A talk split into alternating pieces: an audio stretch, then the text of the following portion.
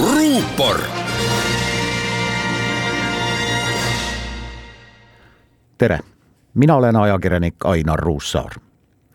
riigireformist on räägitud palju aastaid.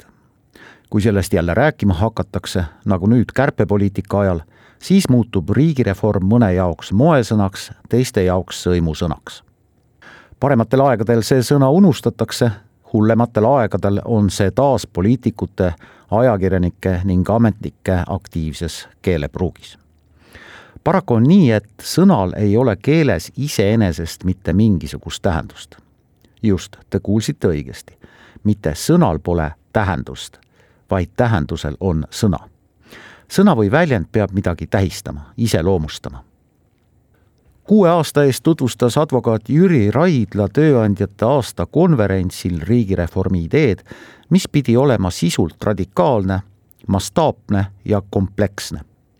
Raidla koos mõttekaaslastest, ettevõtjate, ühiskonnategelaste ja mõnede teadlastega lõid kodanikualgatuse korras Riigireformi Sihtasutuse, et kinkida Eestile tema sajandal juubeliaastal põhjaliku riikluse uuenduse kava suure eesmärgiga, et kahaneva rahvastikuga väike riik suudaks ülal pidada ja mis mitte vähem tähtsam, toimivana hoida valitsusaparaati, kaitseväge, sisejulgeolekut, rahvuskeelset haridust ja teadust, tervishoidu, sotsiaalkaitset, kultuuri ja nii edasi. üheks riigireformi idee aluseks oli massilise ja ühiskonda ahistava õigusloome ohjeldamine ning ametnikkonna vähendamine vähemalt viisteist protsenti kõlas ka idee vähendada parlamendiliikmete arvu saja ühelt seitsmekümne ühele ja seda mitte kokkuhoiu eesmärgil, vaid sooviga muuta Riigikogu töö ja tegevus efektiivsemaks ja mõtestatumaks seda enam, et paljude õigusteadlaste sõnul langes pärast Eesti ühinemist Euroopa Liiduga ära igasugune vajadus massilise õigusloome jaoks. aga Eesti taasiseseisvudes üllal eesmärgil ellu kutsutud õigusloome masinavärk toimis edasi ja toimib endiselt edasi uuema Eesti õigusloome ajalugu teab õigusakti, milles olev lause koosneb üheksakümne kaheksast sõnast. sellisel üheksakümne kaheksa sõnalisel lausel ei saa olla arusaadavat ja üheselt mõistetavat sisu. see ei ole lihtsalt võimalik. reformijad soovisid, et riigiametnikke hakkaksid värbama personaliotsingufirmad kas või seepärast, et tuua tähtsatesse ametitesse spetsialistid ja vähendada poliitilist mõju ametnike ametisse saamisel. ja vähendada selle kaudu ametnikkonna arvu ehk leida ametnike armeest üles need, kes mitte ei tee ja loo, vaid kes loovad üha uusi tabeleid, mida keegi täita ei jõua ja kui isegi jõuab, siis mida keegi lugeda ei jõua.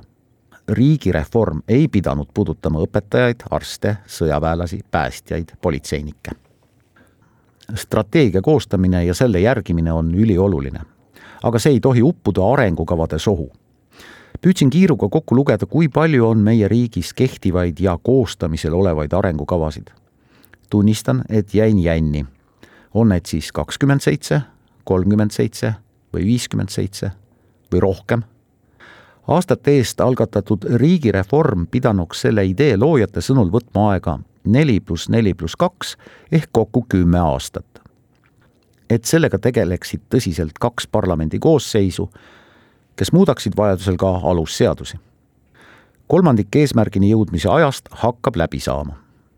ei saa öelda, et parlament vähemalt sõnades riigireformiga ei tegele rahandusminister kinnitas eile parlamendis, et riigireform tähendabki kulude põhjendatuse ülevaatamist ja iga-aastast kulutuste kontrolli all hoidmist.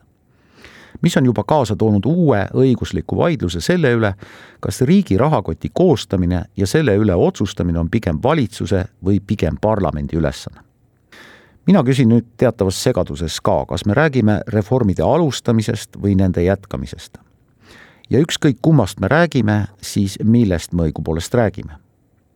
sõnal ei ole tähendust, vaid tähendusel on sõna. ruupor